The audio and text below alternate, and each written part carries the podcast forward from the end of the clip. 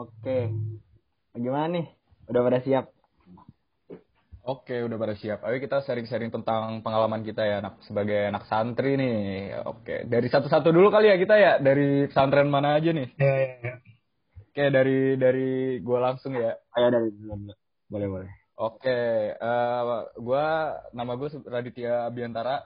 Gua saat SMP gua berada di masuk di Pondok Pesantren Sahid. Lalu gua melanjutkan pesantren gua di SMA di Pondok Pesantren Al Kafi Sukabumi. Oke, lanjut deh. Gua Iski Fadilah. Eh di sini kita pakai aneh ente aja kali ya. Biar kesannya santri. Aneh. Eh, tapi Oh iya boleh boleh, ulang ulang. gue gak biasa sumpah. Gue gak biasa.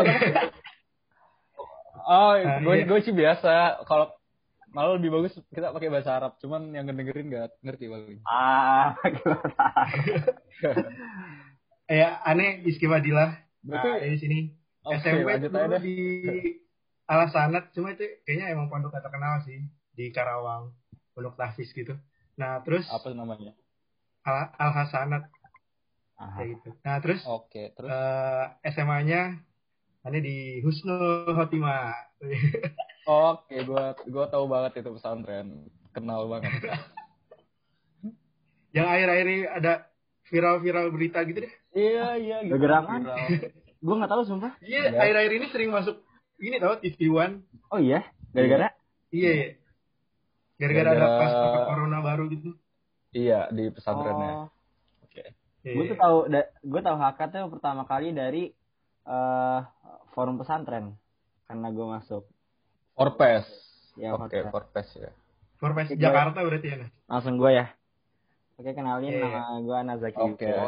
Dari pesan SMP sama SMA eh tetap di NS.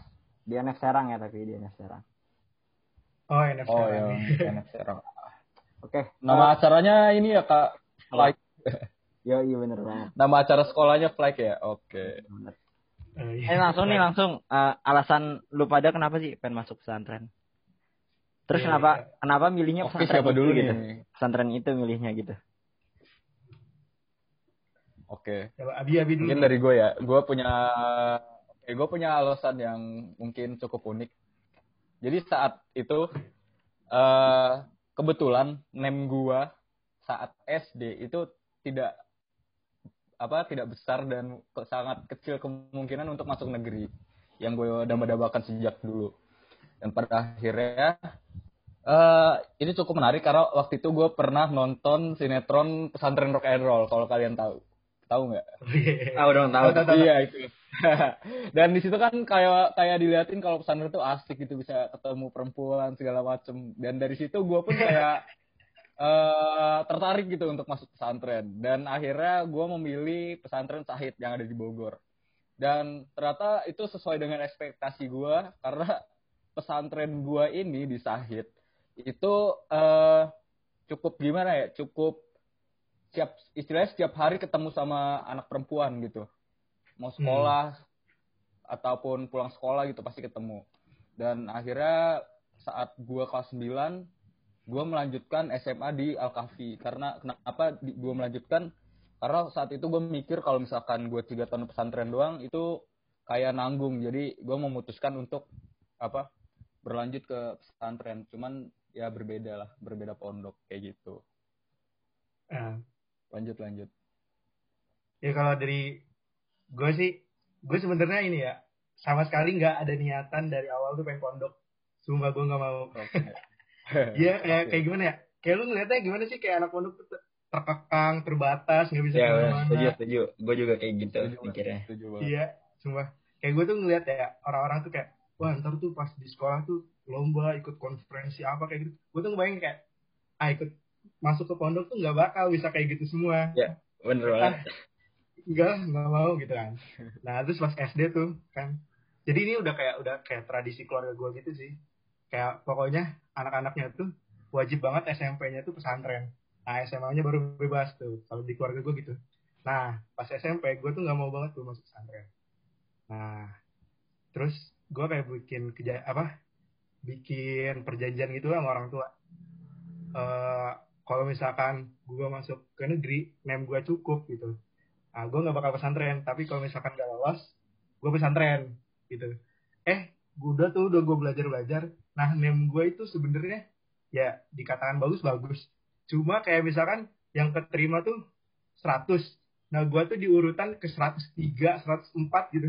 Kayak ah nanggung banget sumpah gitu. akhirnya gue pesantren nah itu pun pas SMP daftar pesantrennya tuh kayak udah akhir-akhir gitu kayak misalkan pesantrennya tuh mau mulai Senin gue tuh baru daftar Jumat Iya.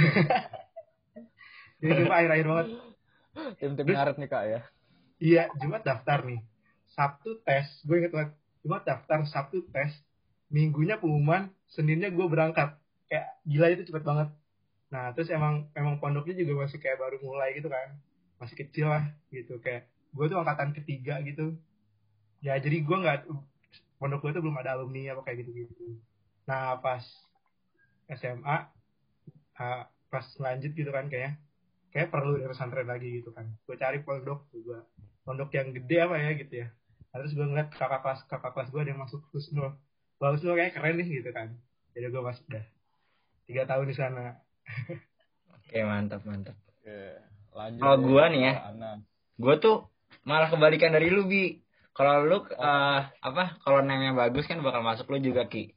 Kalau gua Nah. malah eh nem gue bagus banget. Nem gue tuh udah Nah, kayak SMP eh, SMP favorit Jakarta tuh dapat gua. Tapi Ah. orang tuh udah ngomong lu kenapa nggak negeri aja nas. Tapi gue emang pengen soalnya kakak-kakak gue kan di pesantren gitu.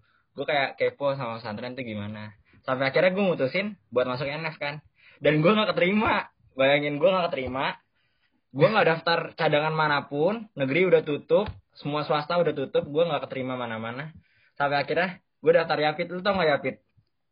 oh gue Gua tahu tahu, di, Bekasi kan Iya Yapit Bekasi. Gue tau ya, Pit. gue daftar ya, Yapit Ah, iya, Bekasi gelombang terakhir gue keterima atau di Yapit terus gue di Yapit dulu dua bulan perjalanan gue di Ah. Yapit dulu dua bulan habis itu gue daftar NF lagi make guru lah orang dalam bisa dibilang orang dalam terus ya udah eh keterima sekarang NF nyesel. Kagak nerima gue dulu coba. Kalau gue dulu kagak keterima nyesel tuh NF Iya. terus SMA eh, mutusin lagi lah pesantren. Udah enjoy SMP seru banget coy sumpah. Iya sih gue ngeliatnya NF tuh eh apa gede banget ya NF gila pondoknya gede banget. Gue pernah ke NF Serang Nas. Oh gue iya waktu pas ya gue gue gue pernah pas SD SD kan dulu gue SD IT ya di Serang Hmm. nah pernah tuh kayak ada apa? acara kemah gitu SD apa Hah? SD apa SD Ibadur Rahman di Serang di Oh, Serang di Ibadur Rahman loh. iya iya iya Oh, tahu tahu. Nyambung Nah, nyambung kan. nyambung nyambung Oh, nah terus apa kayak kan ada acara kemah gitu kan pramuka acaranya itu di NF Serang gila itu gede banget kayak ada ini kan kayak tempat kemah gitu belakangnya hutan Iya, itu tempatnya buat kesurupan itu di situ. oh iya gila emang. asalkan lu pokoknya kalau di situ tuh lu harus benar-benar nggak boleh minum berdiri, nggak boleh ngegosip, pokoknya nggak boleh ngelakuin kesalahan yang nggak dibolehin sama Islam aja.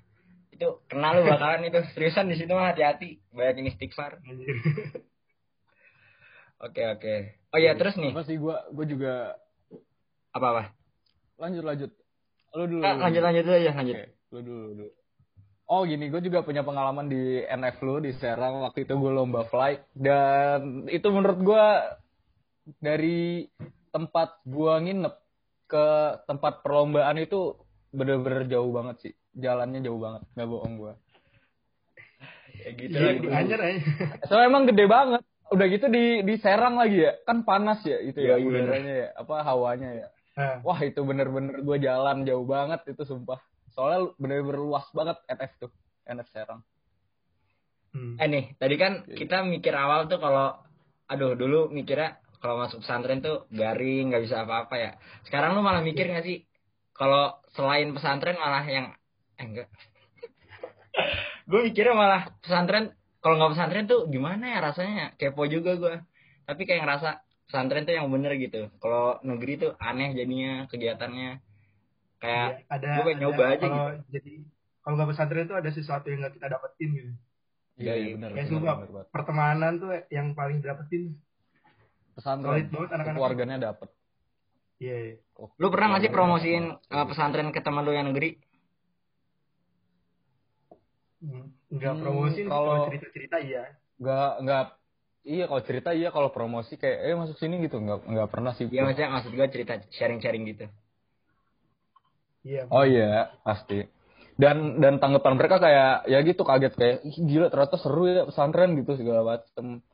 Nah itu dia makanya banyak teman negeri gue yang sejak gue cerita tuh kayak aduh pengen banget masuk pesantren gitu pengen ngulang SMA terus gue suruh ngulang SMA aja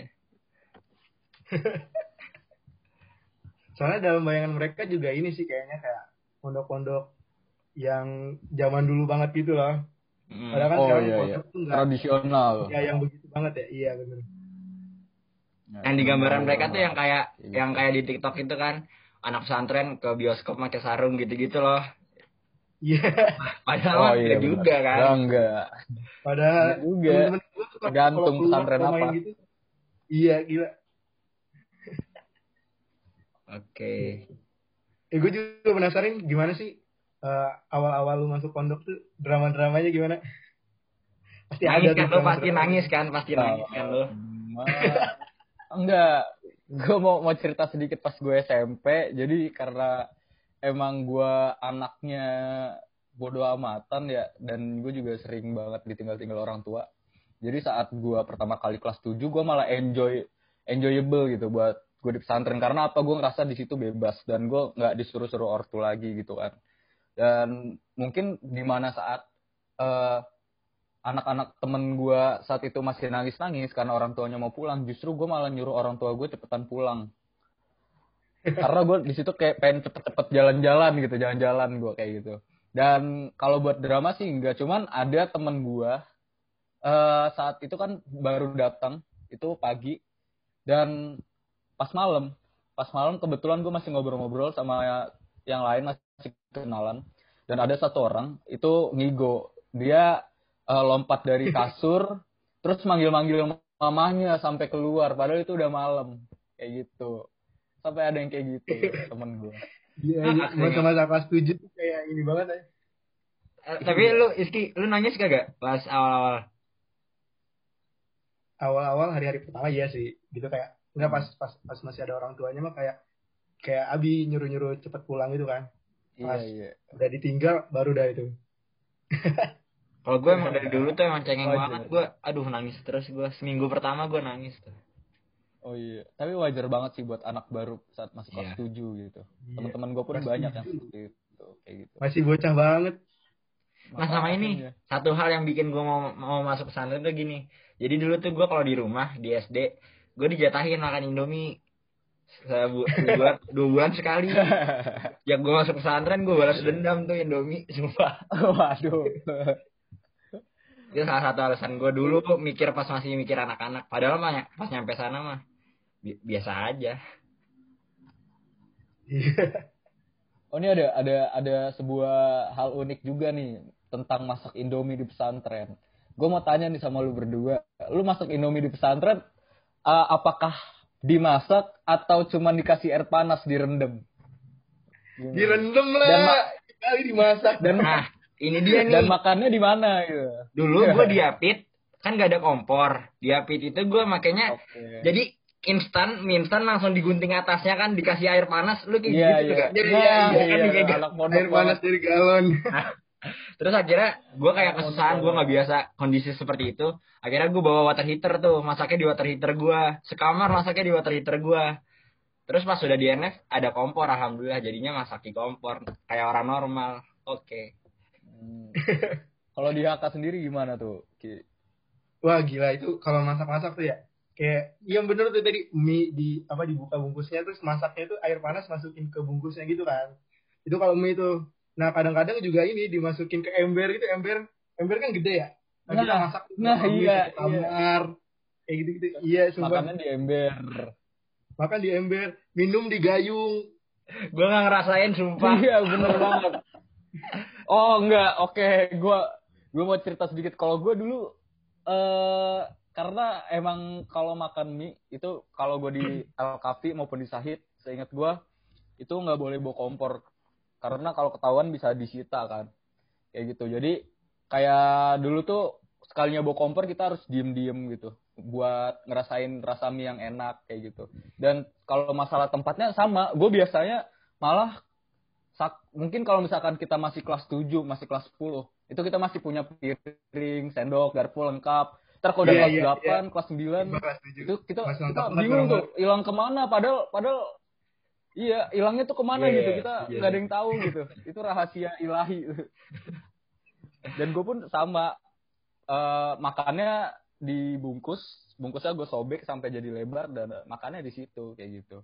Dan buat kalau misalkan mau ngopi bareng eh, bikin nutrisari itu biasanya gue di gayung ramean minum Iya sama kayak Haka. iya Dia sama kan, aja kan, kita ya, misalkan kita lagi ngobrol, lagi ngobrol. Iya. Oh, nyeduh ya nyeduh gitu kan. Nyeduhnya tuh apa aja yang punya, misalkan lu punya punya kopi, kopinya tuh Iya. beda-beda merek, lu mau satu Apa aja dicampur. Campur Iya. semua.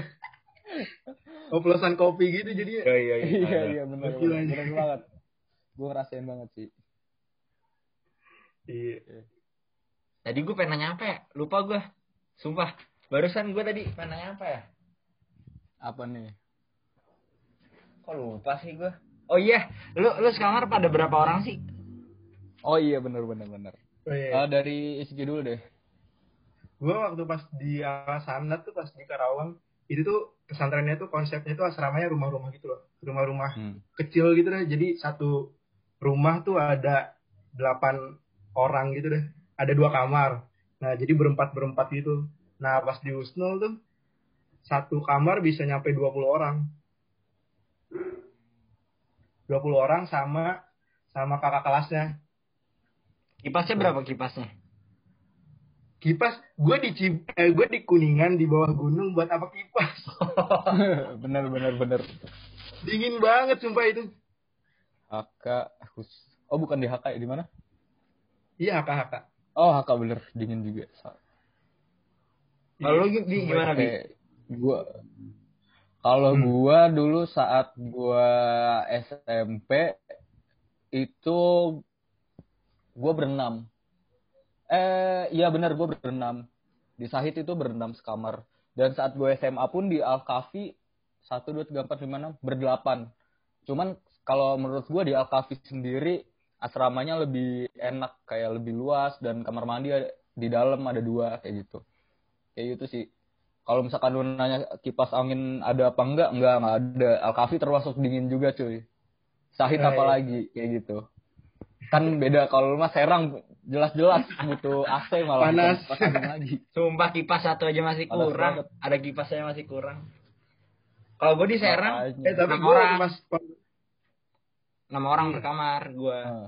Nah terus kan akhir-akhir ini tuh pas kita udah kelas 12 pengen lulus, itu tuh semua semua kelas dipasang AC kan. Jadi sekarang waktu kita 24 jam dihabisin di, di kelas buat nyalain AC. Nobar di situ, pokoknya itu udah tempat paling the best dah kelas tuh sekarang. Dinginnya cuma di situ doang. Kadang tuh saking panasnya di NF tuh siang-siang di asrama semuanya lepas baju, tiduran, tepar di asrama di mana pun lah pokoknya. Panas banget sumpah Iya. Tapi gue pernah ngerasain sih Nas. Kan gue waktu pas SMP kan di Karawang ya. Karawang kan panas juga, panas banget juga. Nah itu gue di pondok tuh di kamar. Itu tuh satu orang punya satu kipas sendiri-sendiri. Gokil anjir saking panasnya. Satu orang kenapa? Bawa kipas sendiri-sendiri. Iya bawa kipas sendiri-sendiri. Nah, masalahnya di NF nggak boleh. Nggak boleh bawa masing-masing. Padahal kalau bisa mah bawa masing-masing ya. Iyalah.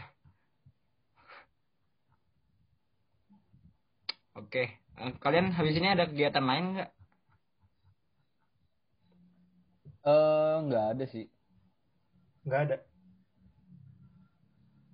free sampai mungkin nanti abis maghrib ada wawancara bem Oh iya, Yes. pengen nanya nih terakhir nih gue. Eh, oh iya boleh boleh seberapa ngaruhnya lulusan pesantren menurut lo buat skill lu, keaktifan lu di organisasi universitas? Oke dari siapa dulu nih? Wah ini menarik banget nih bahasannya nih. Gimana Ya. gimana? Gue dulu ya. Boleh, boleh. Oke jadi em, mungkin kalau gue bilang di pesantren Sahid saat gue SMP itu nggak terlalu menarik karena organisasinya pun masih sama osis kayak gitu saat gue SMP. dan gue juga termasuk uh, osis di departemen kesenian nah yang menarik ini adalah mungkin kalian sebagai anak pesantren pasti merasakan gitu saat gue SMA dan gue kelas 11 itu tuh uh, ada kalau di Alkafi itu namanya ospeta organisasi santri pesantren terpadu Alkafi jadi ospeta ini adalah pengurus gitu cuman kayak osis cuman kalau gue bilang amanahnya tuh lebih berat ospeta daripada osis karena apa karena ospeta ini yang bertanggung jawab atas santri-santri dari kelas 7 hingga kelas 10 kayak gitu. Jadi dari kelas 7 uh, eh, sampai kelas 10 kita yang ngurus dari mulai peraturan, keterlambatan uh, ke masjid, keterlambatan ke sekolah, itu kami semua yang ngatur gitu kan. Dan bagusnya uh, pesantren adalah ya seperti itu. Jadi kalau ospeta itu sebelum dilantik kita ada melalui beberapa tahap. Yaitu ada namanya muhoyam muhoyam tarbawiyah. Jadi kalau gue bilang muhoyam ini berat berat banget parah parah banget parah. Kalau menurut gue nggak ada obat nggak ada obat berat ya. Jadi kayak ada beberapa tahap pramuhoyam terus muhoyam terus habis muhoyam ada lagi yaitu LDK kalau LDK itu kita uh, sama di LDK sama pengurus selanjutnya kayak gitu. Pokoknya kalau menurut gue berat sih berat. Dan itu yang menjadikan kita setiap masing-masing individu tuh uh, sangat apa ya sangat baiklah dalam organisasi ospeta tersebut kayak gitu. Kayak saat gue pun uh, di ospeta gue menjabat sebagai PSDI yaitu pengembangan sumber daya insan. Mungkin kalau misalkan dalam tahap kuliah namanya PSDM kayak gitu. Dan karena gue pernah menjabat di situ gue sudah melakukan proker-proker gue dan itu bisa dipertanggungjawabkan dan itu berhasil semua. Jadi gue pun rata-rata mengambil organisasi di uh, Unpad pun sama. Kayak di Hima sekarang gue menjadi staf magang kaderisasi. Dan saat di nanti staf magang FEB Unpad pun gue mengambil kaderisasi gitu PSDM kayak gitu sih. Permais lu masuk nggak? Di... Baiklah. Uh, gue buat permais gue nggak nggak masuk kayak gitu karena terlalu sibuk menurut gue. Si, si Eski masuk nggak ki? Enggak, jujur gue nggak tahu ya. Kayaknya kalau misalkan oh, ikut organisasi baru yang keislaman gitu kayak males gitu nggak tahu kenapa. Yo, gue gue aduh, gue setuju banget Ki, tapi tujuan gue masuk Forma itu sebenarnya satu doang sih. Gue pengen punya akses gimana gimana. Buat ini buat daftar imam di Unpad Masjid Unpad. Amin. Amin amin. Amin. Ya. Oke lanjut lanjut Iski boleh sharing ya kalau dari gue Husnul tuh emang kalau bisa bisa gue sebut pesantren yang organisasinya bagus emang gue salut banget sama sistemnya sistem keorganisasiannya gitu nah mereka tuh di situ tuh kayak ada ini kan kayak ada yang punya sistem di mana itu tuh kayak mininya Indonesia gitu loh. Kayak misalkan ada M, disebut ada Majelis Permusyawaratan Santri MPS nah itu tuh oh. kayak DPR-nya di Indonesia gitu loh.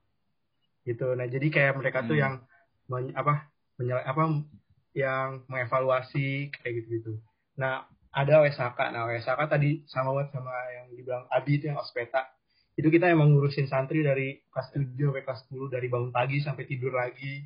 Gitu emang semuanya kan diurus ya. Gitu. Nah terus iya, emang ngurus sistem, ya.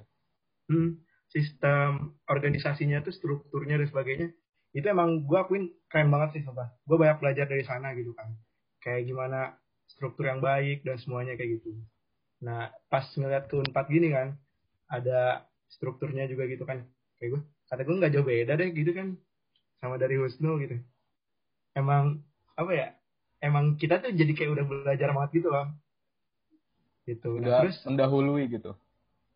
Iya jadi udah udah paham lah gitu kan. Kayak gitu. Kayak ini fungsinya buat apa dan sebagainya. Kayak gitu. Emang emang keren sih. Gue gue gue salut sama Husnul kalau dari segi organisasi gitu. Tapi sebenarnya alasan gue masuk Husnul pas awal tuh emang pengen ngejar bahasa sebenarnya gue pertama kali tahu Husnul tuh emang Husnul tuh kayak bagus banget itu kan bahasanya pas gue masuk sana ya sama aja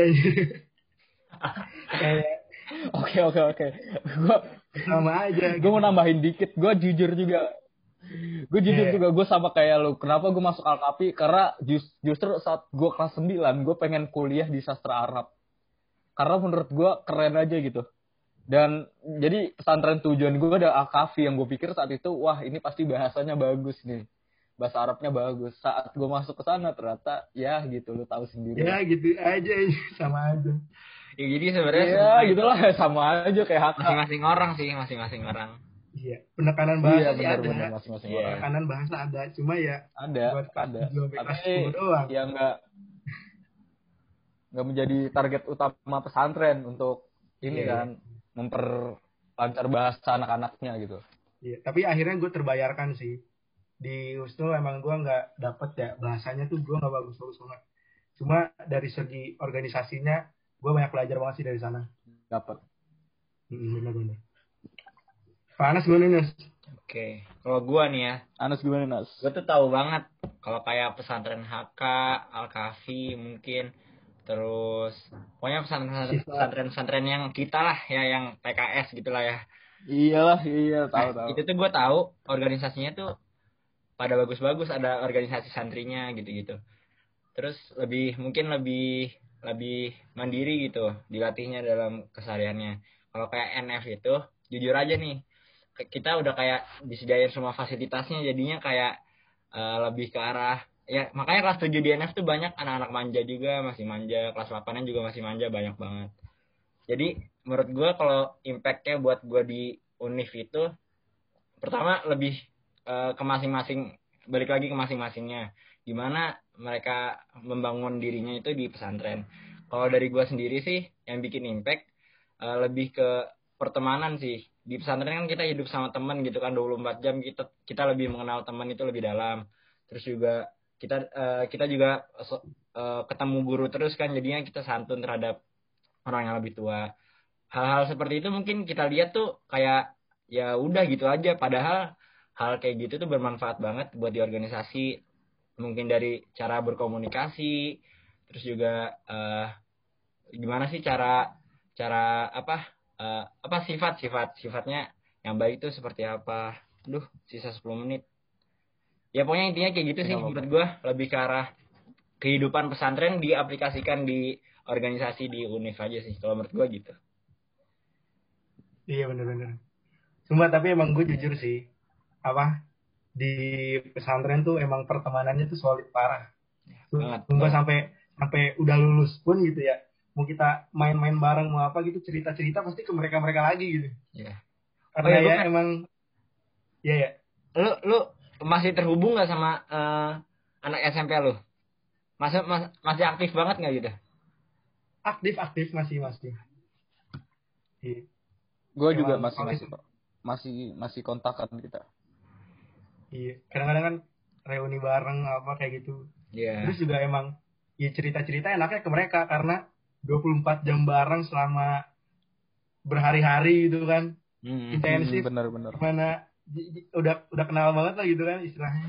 Iya benar benar banget. Udah jadi Oke gitu. masih ada lagi nih yang mau dibahas nggak? Cukup kali ya. Hmm, cukup kali segitu aja. Udah pengen habis juga ini zoomnya. Iya makanya. Oke. Cukup Iya. cukup. Pintar mau dipotong-potong apa gimana? Hah nggak usah lah. Bisa kan dipotong-potong. Gak usah ya lah. Ya gue stop ya. Ah, ada yang ada yang dengerin nggak ya?